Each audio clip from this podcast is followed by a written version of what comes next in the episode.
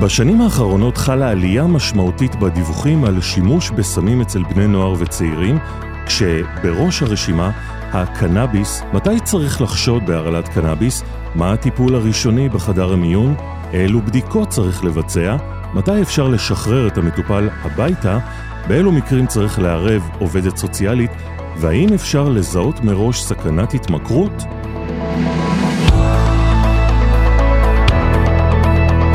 אתם מאזינים לפידס איי-אל, פודקאסט רפואת הילדים של הרי. ברוכים הבאים לפרק נוסף בפודקאסט רפואת הילדים של הרי, פידס איי-אל. אני איתי גל, ובכל פרק אני מארח את מיטב המומחים במגוון נושאים ברפואה, שיעזרו לכם לרענן את החומר ואפילו ללמוד לבחינות. הפעם הנושא שלנו הוא הרעלת קנאביס בבני נוער, ואיתי באולפן הפרופסור מתי ברקוביץ', מומחה לרפואת ילדים ולטוקסיקולוגיה, מהמרכז הרפואי שמיר אסף הרופא. היי מתי. שלום איתי. והדוקטור דנה קרופיק, מומחית לרפואת ילדים ורפואה דחופה ומנהלת מיון ילדים במרכז הרפואי זיו. שלום דנה. היי איתי, היי מתי, איזה כיף להיפגש עוד פעם. כפי שאנחנו נוהגים בפודקאסט רפואת הילדים, נפתח בסיפור מקרה שמתחיל אצלך במיון, דנה, תורנות סוף שבוע, שתיים בלילה, מגיע צעיר באי שקט שמתחלף בהכרה מעורפלת. החברים שאיתו, שהביאו אותו, מספרים שהוא עישן גראס, את גם אה, מריחה את זה. איך את ניגשת לסיפור? המקרה הזה, יש לו הבחנה מבדלת רחבה, זה לא רק אה, סיפור של הרעלה. אמנם צעיר שבא במסיבה, עישן גראס, הגיע במצב של אי שקט, זה מאוד מכוון אותנו להרעלה. אבל כשאנחנו במיון, אנחנו צריכים לחשוב על עוד הבחנות מבדלות שיכולות לבוא בלי קשר למסיבה ולעישון הגראס, או עם קשר. למשל, על מה את חושבת? למשל, למשל. סיפור של חבלה. יכול להיות שמתוך ערפול ההכרה שלו הוא נחבל. יכול להיות שהוא לקח עוד דברים. אה, הרבה פעמים במסיבות לא מדובר רק בקנאביס, יכול להיות שיש סמים אחרים שהם מעורבים. הרבה פעמים אפילו זה סמים שמאזנים אחד את השני. אז יכול להיות שהתמונה הזאת היא מעורבת של קנאביס, ואולי יש שם אתנול, ואולי יש שם סמים ממריצים, ואולי יש גם חומרים שהם מורידים, כמו אופיאטים. וסביר אה, להניח ש... תמיד יש שם עוד משהו, לא נכון, רק אה, חומר נכון. אחד. עכשיו, העוד משהו הזה יכול להיות גם משהו שמישהו הכניס לקנאביס הזה. אנחנו לא יודעים קודם כל איזה סוג של קנאביס זה. קנאביס יש מכל מיני זנים וסוגים, וכל אחד משפיע באופן אחר. וגם מי שמייצר את הסמים האלה לפעמים מכניס כל מיני חומרים פנימה, או כדי לעשות פוטנציאציה של הקנאביס, או כדי להוזיל את אה, עלויות הייצור שלו. אז כבר היו מקרים של רעלי עכברים וחומרי ניקוי, כל מיני דברים כאלה שגם יכולים להשפיע. חוץ מזה יש את ההבחנה המבדלת האחרת להפרעה בלבולית, שיכולה להיות ממחלה ראומטית ועד אה, הפרעה בתפקודי כבד, ווילסון דיזיז, אה, פסיכוזה שמתפרצת, זיהום, דיברנו על חבלה, כל הדברים האלה גם צריכים לקחת בחשבון. אז במיון, אנחנו קודם כל נעריך אותו, ונראה אם הוא יציב, אז האם ה-airway שלו פתוח, והאם הוא, הוא, הוא יציב המודינמית ונשימתית. אנחנו נאסוף uh, סימנים להרעלה, מה קורה עם האישונים שלו, מה רמת הסוכר שלו. אז כמו כל דבר במיון, אנחנו נעריך אותו לפי ABC. ו-ABC בהקשר הזה יהיה ABC שגם יותר מוכוון להרעלות. אז ה-A, אנחנו רוצים לראות שה-airway שלו פתוח, שהוא חופשי, שאין, אה, אם הוא עישן, אם הוא היה בסביבה של עשן, שאין גם איזה שהן בצקות באזור. מבחינת הנשימה, אנחנו רוצים לראות שהוא יציב ומודינמית, ורוצים להעריך האם הנשימה שלו היא ביתר או בחסר. זאת אומרת, האם יש חשד פה להרעלה שהיא ממריצה או מורידה. בהקשר של C, צריך גם להסתכל על המצב ההמודינמי שלו מבחינת לחץ דם ודופק, שוב, האם זה ביתר, האם זה בחסר, אם אפשר והוא לא באי שקט קיצוני, כדאי לעשות אק"ג. אק"ג מוקדם הוא מאוד חשוב בחשד להרעלות, כי הוא גם יכול לרמז לנו על סוג ההרעלה, לפי מה שרואים בו, וגם יכול להראות אה, סימנים של הפרעה שעומדת להיות קטלנית, כמו למשל קיוטי מוערך, שיכול להיות בסיס להפרעת קצב, או סימנים של היפרקלמיה. כשאנחנו ב-D, אנחנו רוצים גם להתרשם מהאישונים שלו, כי זה רמז לסוגי הרעלות שונים, גם ממצב ההכרה שלו, שיכול להיות מעורער, ירוד או לא תקין, מבולבל, הזיות, אנחנו ממש רוצים להגדיר את מצב ההכרה שלו. מצב האישונים דיברנו, סוכר מאוד מאוד חשוב, כי גם יכול לרמז על דברים וגם לפעמים זה משהו שצריך לטפל בו. בהקשר של הרעלות, ב-D גם מאוד מאוד חשוב לחשוב על דקונטמינציה. ממש להסתכל עליו, האם יש שיירים של איזשהו חומר באף, האם יש לו כדורים שמסתובבים בכל מיני כיסים, האם יש חומר שנשפך עליו והוא ממשיך להיספג, אנחנו יכולים לנסות לטפל בו, אבל ככל שאנחנו אה, לא נפנה את החומר מאיפה שהוא נספג, אז הוא ימשיך אה, להיספג, ואנחנו נרוץ אחרי עצמנו. ותוך כדי אתם ותוך גם... כדי אנחנו כמובן מייצבים כל דבר שלא בסדר. בהקשר של הרעלות, מאוד מאוד מאוד חשוב ללכת מאוד בזהירות, בגלל מה שאמרנו קודם, שיכולים להיות כמה חומרים מעורבים, ויכול להיות שהם מאזנים אחד את השני, אז אם אני, אם אני עכשיו אבטל חומר אחד, יכול להיות שחומר אחר ייכנס לפעולה. לכן אנחנו נשתמש בתרופות קצרות טווח, וכאלה שמאפשרות לנו להעריך את עצמנו, לאתגר את הבחנת העבודה הראשונית שלנו, ולתקן את עצמנו תוך כדי תנועה. אני רק אסיים באי, שבאי אנחנו גם מפשיטים את החולה, מחפשים סימנים להבחנה מבדלת כמובן, רואים אם הוא יבש או רטוב, אם הוא סמוק, זה גם מכוון אותנו להרעלות מסוימות. ותוך כדי כמובן באחד השלבים הראשונים, פותחים וריד, מכניסים ונפלון ולוקחים בדיקות דם. איזה בדיקות את לוקחת? אוקיי, okay, אז הבדיקות שאנחנו לוקחים במקרים של הרעלות, שאנחנו, בעיקר כשאנחנו לא יודעים במה מדובר, או שיש לנו חשד שמשהו שאנחנו לא מכירים, אנחנו ניקח... ספירה וכימיה בגלל ההבחנה המבדלת, וגם כדי לראות תפקודי כבד וכליות, או כ baseline, או לראות אם יש איזושהי הפרעה. אנחנו ניקח גזים בדם, ובמיוחד אני רוצה להדגיש את ה anion gap, כי יש תרופות שעושות anion gap, metabolic acidosis, אז אם אנחנו מוצאים את זה בבדיקות הדם, אפשר ללכת להבחנה המבדלת ולראות אם אחד החומרים יכולים להיות מעורבים. אנחנו ניקח את האוסמולריות, ואנחנו נעשה הבדל בין האוסמולריות הנמדדת למחושבת. זה נקרא osmolar gap, כי יש חומרים כמו אלכוהולים למשל, שהם אה, לא מחושבים, אבל הם נמדדים. ואז אם יש לי, למשל, חולה כזה, שיש לו high anion gap metabolic acidosis ו osmolar gap גבוה, זה לוקח אותי לכיוון של הרעלות אלכוהולים. בכל הרעלה שהיא, שהיא לא ברורה, אנחנו ניקח פרצטמול. פרצטמול מופיע בהמון המון תרופות. וגם חבר'ה שנשבעים שלא לקחו פרצטמול, יכול להיות שהם לקחו אקמול צינון בשביל הפסאודו-אפדרין שנמצא שם, ואז הפרצטמול זו הרעלה שהיא מאוד קטלנית, וכדאי לזהות אותה בזמן. מה לגבי מעבדה לטוקסיקולוגיה? שתן לטוקסיקולוגיה זה משהו שנמצא במחלוקת. ברוב המקרים אין לנו טעם לקחת שתן לטוקסיקולוגיה, בטח בבתי החולים, אלא במעבדות מסוימות, כמו בתל השומר או ברמב"ם, יש כמה בדיקות שניתן לעשות. כיוון שהשיטה שמבוצעת ברוב בתי החולים היא שיטה לא מדויקת, יש לה הרבה מה שנקרא false positive ו-false negative, וזה עשוי להטעות אותנו יותר מלעזור לנו. במקרה של קנאביס דווקא, הקנב... הקנבואידים הסינתטיים לא נמדדים, אבל הקנאביס האורגני נמדד ונשאר כמה ימים. אז אם אין לי משהו אחר, החולה הוא יחסית יציב, ואין לי משהו אחר שמסביר את התמונה, ואני מוצאת קנאביס בשתן, אז זה נותן איזושהי תחושה שאני יודעת עם מה אני מתמודדת, אבל גם לקחת את זה בזהירות ולקחת בחשבון שיכול להיות שאיזשהו חומר אחר יצוץ לי פתאום, ואני אצטרך להתמודד איתו. ובינתיים? בינתיים החולה הזה הוא לא רגוע, אה, וזה עשוי להיות מסוכן לעצמו ולסביבה. אז חשוב קודם כל לא להפעיל עליהם כוח. כי אם הוא לקח חומרים ממריצים, ואני אתפוס אותו, אז ההתנגדות שלו עוד יותר אה, תגרום לו להפעיל שרירים. רק נזכיר שבשלב הזה אנחנו לא יודעים מה הוא לקח. על אחת כמה וכמה, אנחנו לא יודעים, ויכול להיות שיש שם סמים ממריצים, שאחת התופעות לוואי שלהם זה רבדומיוליזיס ופירוק שריר והיפרקלמיה, ולכן אנחנו לא תופסים חולים בחשד להרעלה שהם באי שקט, מכיוון שההתנגדות שלהם גורמת לעוד יותר התכווצויות של השרירים, היפרטרמיה ופירוק שריר. אז בחולים האלה אנחנו ננסה כמה שיותר להרגיע אותם, מה שנקרא מרחוק, להוביל אותם לחדר חשוך ורגוע, בלי יותר מדי גירויים, בנזודיאזפינים. זאת אומרת, אם אנחנו מפעילים איזושהי אה, תופסים אותם קצת לרגע בשביל לתת תרופה, זה יהיה לזמן מאוד מאוד קצר כדי לתת להם בנזודיאזפינים כמה שיותר. בנזודיאזפינים זו התרופה הכי טובה במקרה של הרעלות, בטח לא ברורות, אה, בגלל שהיא גם מרגיעה את המטופל, והיא גם אה, נוגדת חלק מהתרופות הממריצות, היא, היא נוגדת את התופעות שלהם. אז בהיבט הזה דורמיקום? אצלנו כן, זה מידע זולם בארץ, זה מה שאנחנו נותנים. אפשר לתת אותו אינטרנזל, לא צריך לתפוס אותו להרכבת עירוי, אפשר לתת אותו IM, אפשר לתת אותו רקטלית, בילדים יותר קטנים, אפשר לתת אותו... אה, בוקל. IV. ובוקלי הוא לא ייקח כל כך כנראה במצב הזה, אבל אינטרנזל זו שיטה מצוינת, נספגת מהר, עובדת תוך שלוש דקות, חמש דקות, החולה רגוע. ובהנחה שאת לא יודעת אם הוא בלע משהו, מה לגבי אה, שטיפת קיבה, פחם פעיל? אז פה זה תלוי אה, בכמה דברים. זה תלוי אם אני יודעת מתי הוא לקח את הדברים, מכיוון שלפחם פעיל יש זמן, פחם פעיל צריך להינתן בשעה הראשונה, אלא אם כן יש לי חשד שהוא לקח למשל אנטי-חולינרגים שמעכבים את הפינוי מהקיבה, או שיש חומרים שיש להם מעגל אנטרואפטי. אז אם אני יודעת שיש חומר כזה, אפשר אחרי שעה. דבר שני שצריך לקחת בחשבון בפחם פעיל, זה שאם החולה הזה עומד לאבד את ההכרה שלו, הוא עשוי לעשות אספירציה.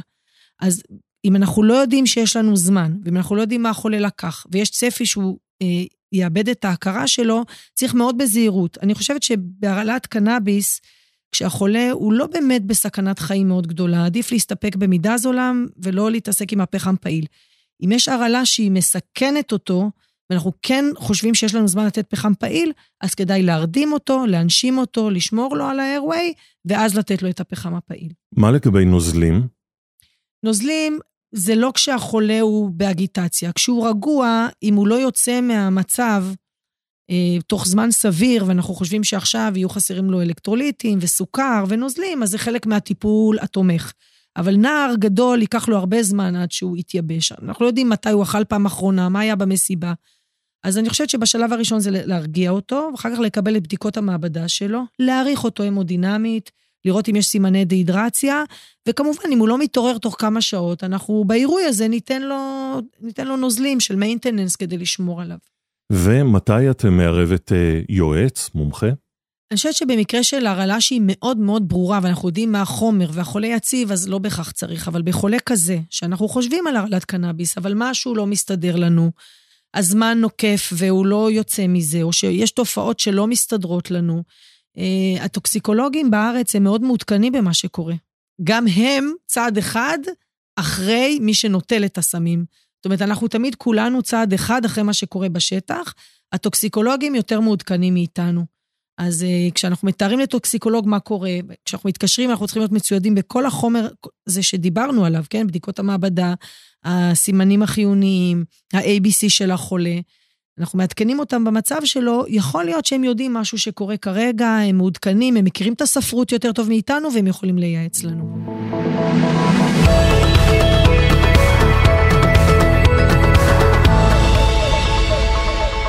ובשלב הזה אנחנו מתייעצים איתך, מתי.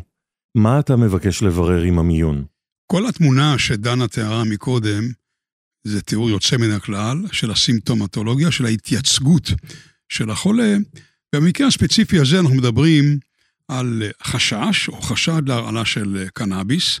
צריך רק להזכיר את העובדה שבאמת בהרעלה משמעותית, לעתים יש מצב של פסיכוזה. זאת אומרת, מצד אחד אי שקט, יכולות גם להיות התכווצויות, ומצד שני, גם נושא של פסיכוזה. אבל אולי בכל זאת אני אתן איזשהו רקע קצר לגבי הקנאביס, למה אנחנו בכל זאת חושדים במקרה הספציפי הזה, שאתה שאלת איתי, ואת דנה, ענית בצורה כל כך מפורטת ויפה, למה אנחנו חושבים, מה, מה, מה חשוב לדעת לגבי הרקע של הקנאביס? מדובר באמת בחומר שהוא עתיק יומין, עם כמעט 600 חומרים פעילים. מתוכם, אני, אלו שנבדקו הכי הרבה, למעשה זה ה-CBD וה-9 דלתא אה, טטרה הידרוקנבידיול. מי שגילה את התשע דלתא, טטרה הידרוקנבידיול, זה פרופסור משולם מהאוניברסיטה העברית. מה החומר שהכי הרבה משתמשים בו בנושא הזה של, של הקנאביס ובעל השפעה פסיכולוגית נפשית, זה למעשה ה-THC. CBD בריכוז גבוה משמש בתור תרופה מצוינת נגד התקבצויות, האפידיולקס. כאן בקנאביס הבעיה שלנו היא למעשה עם ה-THC. בבדיקות שתן, לעתים כן ניתן לאתר את ה-THC, וזה מכוון אותנו מאוד מאוד שבאמת מדובר בחומר הזה אה, אה, בהרעלה של קנאביס. עוד נקודה חשובה, כמה זמן לאחר שמישהו שאף, בלע THC, גראס, בואו נתייחס כרגע לנושא הזה של גראס בעישון, כמה זמן השתן יכול להיות חיובי. בין ימים, אפילו שבועיים. אלו שמשתמשים בגראס באופן כרוני, באופן חוזר ונשנה, מפסיקים נניח, השתן יכול להיות חיובי גם אחרי שבועיים. יש עוד נקודה מעניינת. בתחילת הדרך, כשהגראס יצא לשווקים, לאן שהוא לא צריך להגיע, אבל הוא מגיע, הריכוז של ה-THC היה 1 עד 2 אחוז. מה קרה בשנים האחרונות? הנדסה גנטית. מה גרמה ההנדסה הגנטית? גרמה לכך שהריכוז של ה-THC מגיע אפילו ל-20 זאת אומרת שמדובר פה בחומר שהוא מאוד מאוד פוטנטי, שבקלות רבה ביותר גורם באמת לסימנים של הרעלה. בדרך, ועוד דוגמה להרעלה, אצלנו במיון בבית חולים שמיר לפני מספר שנים, הגיעו שתי נערות אשר השתמשו בכמות מאוד גבוהה של אה, קנאביס והגיעו עם התקבצויות. היה מקרה אחר, מקרה מאוד מאוד עצוב, מקרה טרגי, לפני מספר שנים גם כן, של נערה בת 19, שהייתה במסיבה. ישנה כמות מאוד גבוהה של, מאוד גדולה של אה, גראס, ונטלה קרוב לוודאי חגיגת. חגיגת, מבחינת המבנה הכימי, מזכיר מאוד את האקסטזי, מזכיר אמפטמינים.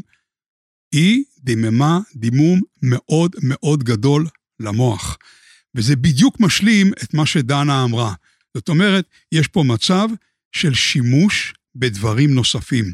בדרך כלל זה לא רק גראס, בדרך כלל זה גראס וחומרים אחרים נוספים. אז אה, מתי, מה אתה מבקש אה, מהמיון? איזה עוד ברור? מה אתה מבקש אה, לדעת? איזה תוצאות?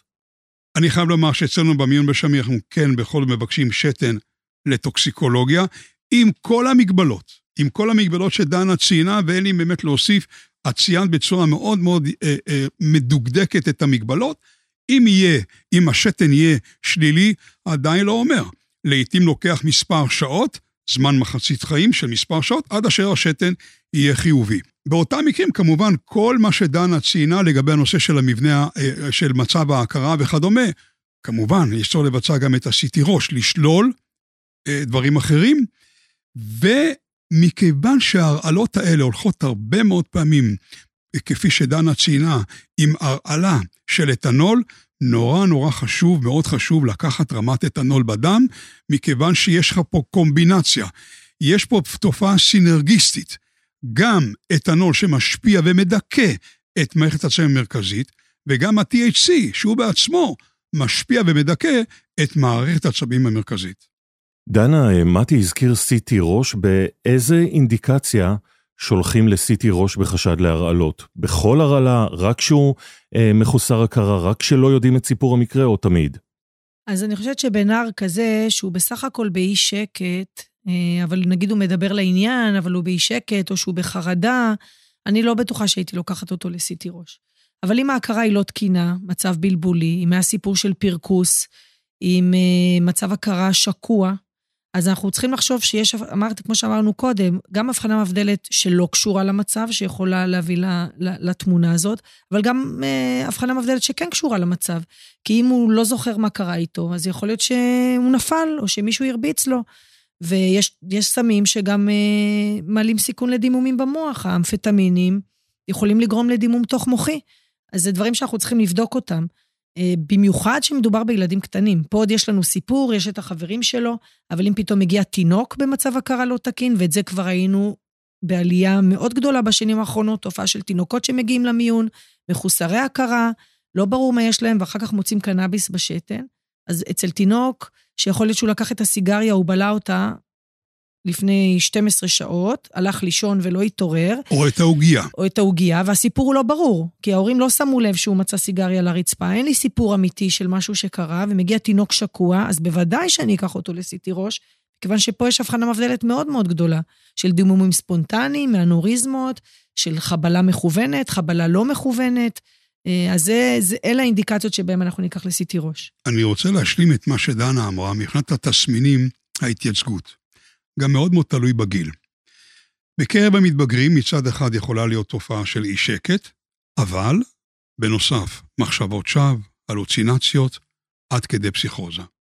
מצד שני, גם דיכוי של מרכז הנשימה. אלא שהדיכוי של מרכז הנשימה אופייני יותר ושכיח יותר בקרב הילדים הקטנים, בדיוק כפי שאת ציינת, דנה, ואנחנו לצערנו עדים ללא מעט מקרים בשנים האחרונות, מכיוון שהקנאביס נמצא בצורות שונות, בבתים, בהרבה בתים, על השולחן. הרבה הורים שוכחים את הקנאביס, אם זה את העוגייה. לא מזמן התייעצו איתנו, בית חולים אחר, שבו ילדה בת תשע שנים אכלה עוגיה עם קנאביס שהייתה בשימוש של ההורים, היא בהחלט הגיעה בהתחלה המעורפלת הכרה. כאן הסיפור היה ברור. זאת אומרת, ההורים שמו לב לכך שהיא אכלה חלק מהעוגיה. אז כאשר הם הגיעו לחדר מיון, הסיפור האבחנתי, לא הייתה פה שאלה אבחנתית. כמובן, היה נושא של טיפול, כזה בעיקר מדובר פה בטיפול שמרני. ככל שהילדים האלה קטנים יותר, הסכנה גדולה יותר, המינון שצריך על מנת לגרום לתסמינים נמוך יותר. ולכן יש לזה חשיבות רבה. אני אישית, אם מותר לי, אם יורשה לי, נגד הלקליזציה, אני לא הייתי רוצה שיהיה בבתים בשום פנים ואופן. למה? כי כרופא ילדים, לצערי הרב, מספר המקרים של הרעלות בילדים הוא לא קטן, הוא רק הולך וגדל, כולל, לצערנו, מקרי תמותה. מתי, אתה יודע שבקנדה בדקו את זה וראו שבמקומות שבהם התירו אה, שימוש בקנאביס, עלה שיעור ההרעלות בתינוקות ופעוטות בצורה מאוד מאוד משמעותית. ואפילו עוד יותר מזה, היו מקומות שאישרו סוכריות ועוגיות, לעומת מקומות שאישרו רק אה, קנאביס טיפולי או קנאביס בעישון, ובמקומות שבהם אישרו סוכריות ועוגיות, הגיעו לא רק אה, שהיו יותר מקרי הרעלה, אלא ילדים הגיעו במצב יותר קשה. צריך להבין בשלב הזה, שילד שנוטל קנאביס זה לא אותה פרמקולוגיה כמו מבוגר שנוטל קנאביס. כי אם הוא רואה עוגייה, הוא לא לוקח ביס כמו מבוגר כדי להתמסטל, אלא הוא רואה עוגייה והוא אוכל את כל העוגייה. אז א', הוא אוכל הרבה מאוד כי זה טעים לו, וב', יחסית למשקל גופו זה מינון מאוד מאוד מאוד גבוה. ואם הוא מוצא סיגריה על הרצפה והוא בולע אותה, אז חומר שהיו אמורים לעשן, עכשיו עובר דרך מערכת העיכול וזה פרמקולוגיה אחרת, ולכן ההתייצגות שלהם היא גם מאוד מאוד שונה. הם מגיעים בעיקר מעורפלי הכרה, יכולים להגיע עד גלסגו, שלוש, ממש ממש מעורפלי הכרה. הרבה פעמים אין לנו סיפור ברור. או כי ההורים לא רוצים לספר שהוא לקח קנאביס, או שהם לא חושבים שקנאביס זה משהו שצריך לספר עליו, או שהם לא ראו שהילד בלע משהו. אפרופו הדמיה, חשוב לציין, כאשר אתה עושה הדמיה, MRI מוח, לנערים, למתבגרים שנוטלים קנאביס בצורה כרונית, בצורה ממושכת, אזי רואים לא אחת השפעה מבחינת דלדול של החומר הלבן, גם השפעה על החומר האפור, זה בא לידי ביטוי בהישגים שלהם, שההישגים שלהם ירודים יותר. אז זה לא סיפורים שמצוצים מהאצבע. אלה דברים אמ-, אמיתיים, אובייקטיביים, שמראים ששימוש בקנאביס לטווח ארוך ובצורה לא מבוקרת הוא שלילי, שלא לדבר על כך שלעיתים גם יכול להיות קטלני. מתי, איזה כמות אה, של קנאביס יכולה לגרום להכרה מעורפלת, לאי שקט? נורא אינדיבידואלי, ובדיוק כפי שדנה ציינה, תלוי בגילו של, ה, של המטופל, בגילו של החולה. בילדים קטנים כמות מאוד קטנה, כמות מזערית, באמת גרמים בודדים. בכאלה שמשתמשים בצורה כרונית, כמובן, בכאלה שמשתמשים בצורה כרונית, הכמות הולכת ועולה, הולכת ועולה על מנת להשיג את אותו אפקט, את אותה השפעה שהם רוצים, הכמות הרבה מאוד פעמים הולכת ועולה. כלומר, אתה מרמז שקנאביס כן ממכר. נכון שהיה ויכוח, וזה באמת קיים ויכוח האם ממכר או לא, אבל בל נשכח, יש באמת את, ה, את הסינדרום, את מה שנקרא CWS, Cannabis Withdrawal Syndrome. יש תסמיני גמילה, חד משמעית. כן, אני טוען שקנאביס ממכר. והתסמינים של הגמילה מצד אחד אי שקט, הלוצינציות, אה, רעד, אה, צמאון, הרצון העז שחסר באמת החומר עצמו. לעתים גם כן, תראו, לגבי הנושא של תיאבון מוגבר, תיאבון ירוד, דרך אגב, גם זה נושא שנתון לוויכוח. אין ספק שיש תסמונת של גמילה מקנאביס, שהיא מזכירה, כמו הרבה הרבה תסמינים ותסמונות גמילה אחרות, שזה מתבטא בבעיות ובתסמינים של מערכת עצבים המרכזית. מתי, בשלב הזה, אמ, אם אכן מדובר בהרעלת קנאביס, למה אתה מצפה בבדיקות מעבדה? מה אתה תראה? בדיקות המעבדה, כפי שהיא ציינה מקודם דנה, באמת בפירוט יוצא מן הכלל, בסופו של דבר לא אמור להיות משהו מיוחד. בדיקות המעבדה יכולות להיות תקינות, אלא אם כן הייתה אספירציה, אלא אם כן באמת יש היפוקסיה, ואז אנחנו נראה רמת, רמת ריבוי חמצן נמוכה.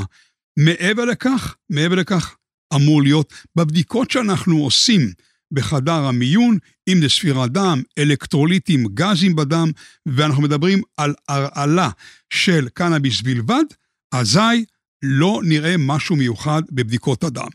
לעומת זאת, בקהילה, בהחלט, הרבה מאוד פעמים אנחנו מוצאים חסכים למיניהם, חוסרים של ויטמינים, להרבה מאוד פעמים חוסר בברזל, iron deficiency, הרבה פעמים חוסר בחומצה פולית, בברזל ובוויטמין B12, כי יש קשר בין התזונה שלא תמיד היא תזונה טובה של האנשים האלה, לבין החסרים שאני דיברתי. מתי, אה, בשלב הזה, כשאנחנו יודעים שמדובר בקנאביס, איזה הנחיות אתה מעביר לחדר מיון, מה ה management, והאם אה, יש אנטידוט? לקנאביס אין אנטידוט, כמובן תלוי מה מצבו של המטופל, בדיוק כפי שדנה ציינה קודם לכן, אנחנו משגיחים, הדבר העיקרי זה ההשגחה, ממתינים למעשה עד שאותו קנאביס יצא, עד שהשפעתו של ה-THC תפוג, לוקח מספר שעות. יש ויכוח האם לאשפז את המטופלים האלה או לא. אני אישית בעד לאשפז אותם, תלוי כמובן מה מצב ההכרה שלהם. במידה ומצב ההכרה שלהם ירוד, לדעתי, חובה לאשפז אותם, לפחות overnight. אה, כן, הרבה מאוד מקרים גם צריך לערב את שירותי הרווחה בקהילה. אם באמת רוצים לבוא ולעשות איזשהו שינוי באורח החיים של אותו נער או נערה, לעניות דעתי, כדאי לאשפז, כדאי לערב תחילה את העובדת הסוציאלית של בית החולים, שהיא מיומנת ויודעת כיצד ליצור קשר עם העובדת הסוציאלית בקהילה. כולם ירוויחו מכך.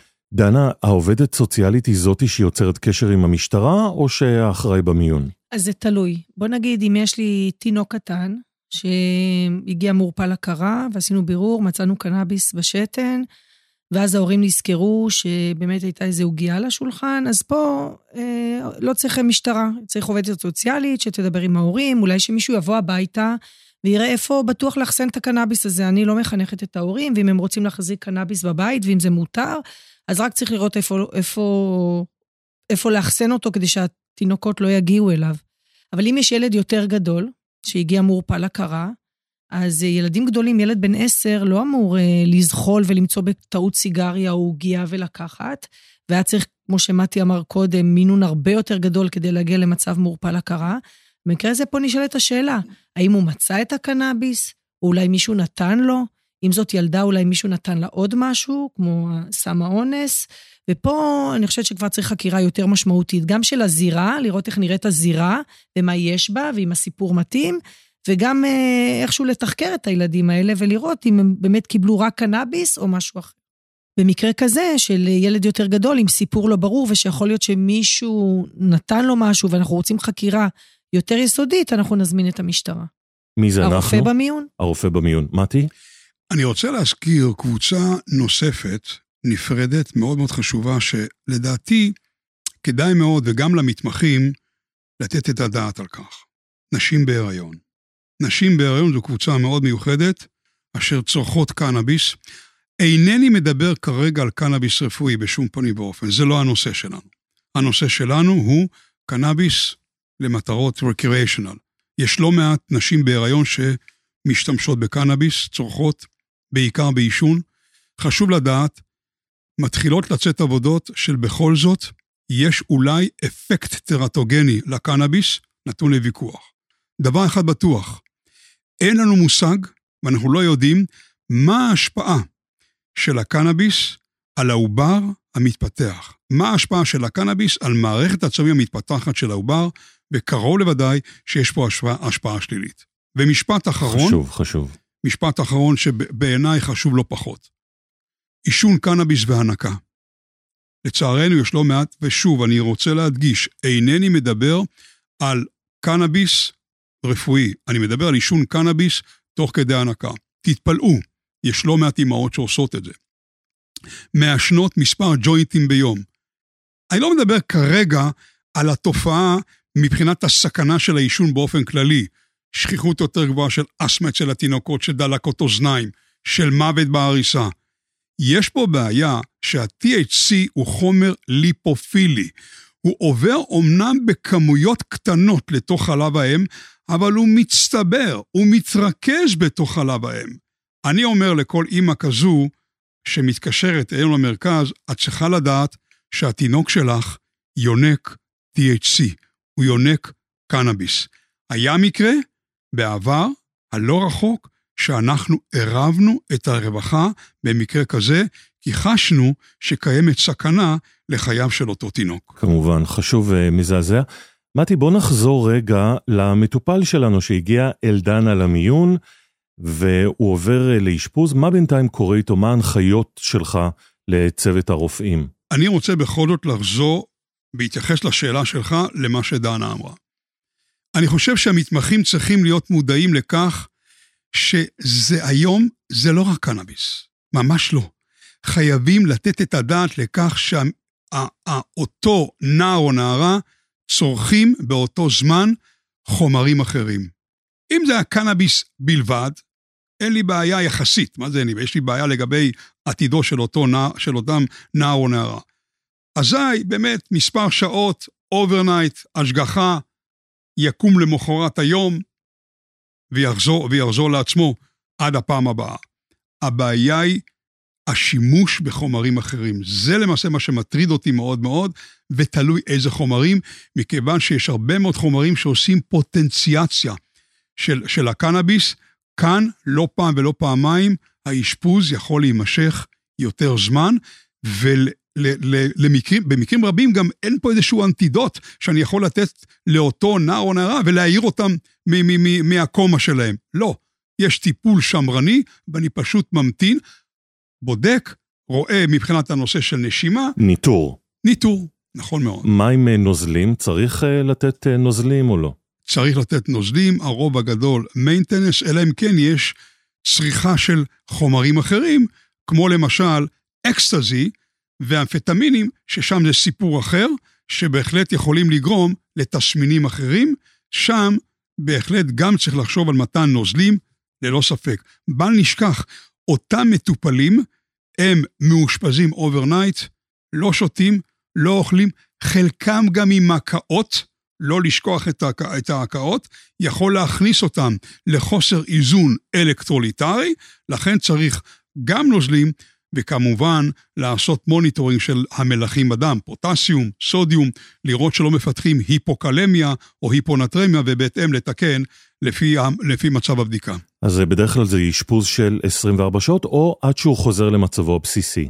הרוב הגדול, מי שמשתמש והאשפוז הוא בגלל גראס בלבד, זה אשפוז יחסית קצר של יום-יומיים.